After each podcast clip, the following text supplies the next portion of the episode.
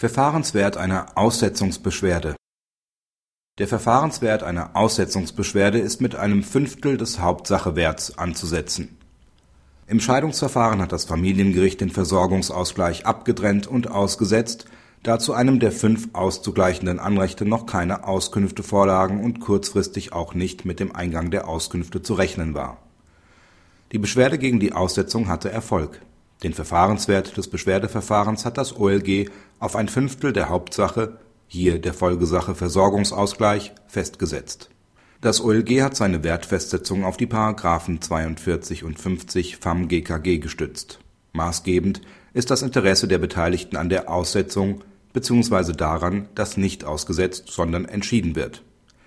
Dieses Interesse beträgt einen Bruchteil, der regelmäßig mit einem Fünftel der Hauptsache anzusetzen ist ausgehend von einem dreifachen Nettoeinkommen der Eheleute von 7.140 Euro ergibt sich für die Folgesache Versorgungsausgleich gemäß § 50 FAM-GKG ein Wert von 5 mal 10 Prozent aus 7.140 Euro ist gleich 3.570 Euro, so dass ein Fünftel hiervon 714 Euro beträgt.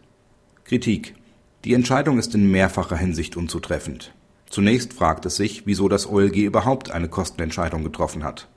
Nach der Rechtsprechung des BGH ist für eine Aussetzungsbeschwerde keine gesonderte Kostenentscheidung zu treffen, weil die Kosten des Aussetzungsverfahrens als Kosten der Hauptsache gelten und aufgrund der Kostenentscheidung in der Hauptsache zu verteilen und festzusetzen ist. Darüber hinaus stellt sich die Frage, wieso das OLG einen Verfahrenswert festgesetzt hat. Erfolgreiche Aussetzungsbeschwerden lösen keine Gerichtsgebühren aus so dass es insoweit auch keines Wertes bedarf Nummer 1912 FAM-GKG Kostenverzeichnis. Soweit eine Aussetzungsbeschwerde erfolglos ist, wird nur eine Festgebühr in Höhe von 50 Euro erhoben, für die es ebenfalls keines Wertes bedarf. Eines Gegenstandswerts bedarf es nur für die Anwaltsgebühren. Um diesen Wert festzusetzen, ist aber wiederum nach § 33 Absatz 1 RVG ein Antrag erforderlich, der hier nicht gestellt war Abgesehen davon richtet sich der Gegenstandswert in einem solchen Beschwerdeverfahren für den Anwalt gerade nicht nach den Vorschriften des FAM-GKG. Diese sind mangels wertabhängiger Gerichtsgebühren gar nicht anwendbar. Für den Anwalt gilt vielmehr § 23 Absatz 2 Satz 1 in Verbindung mit Absatz 3 Satz 2 RVG. Maßgebend ist das Interesse des Beschwerdeführers.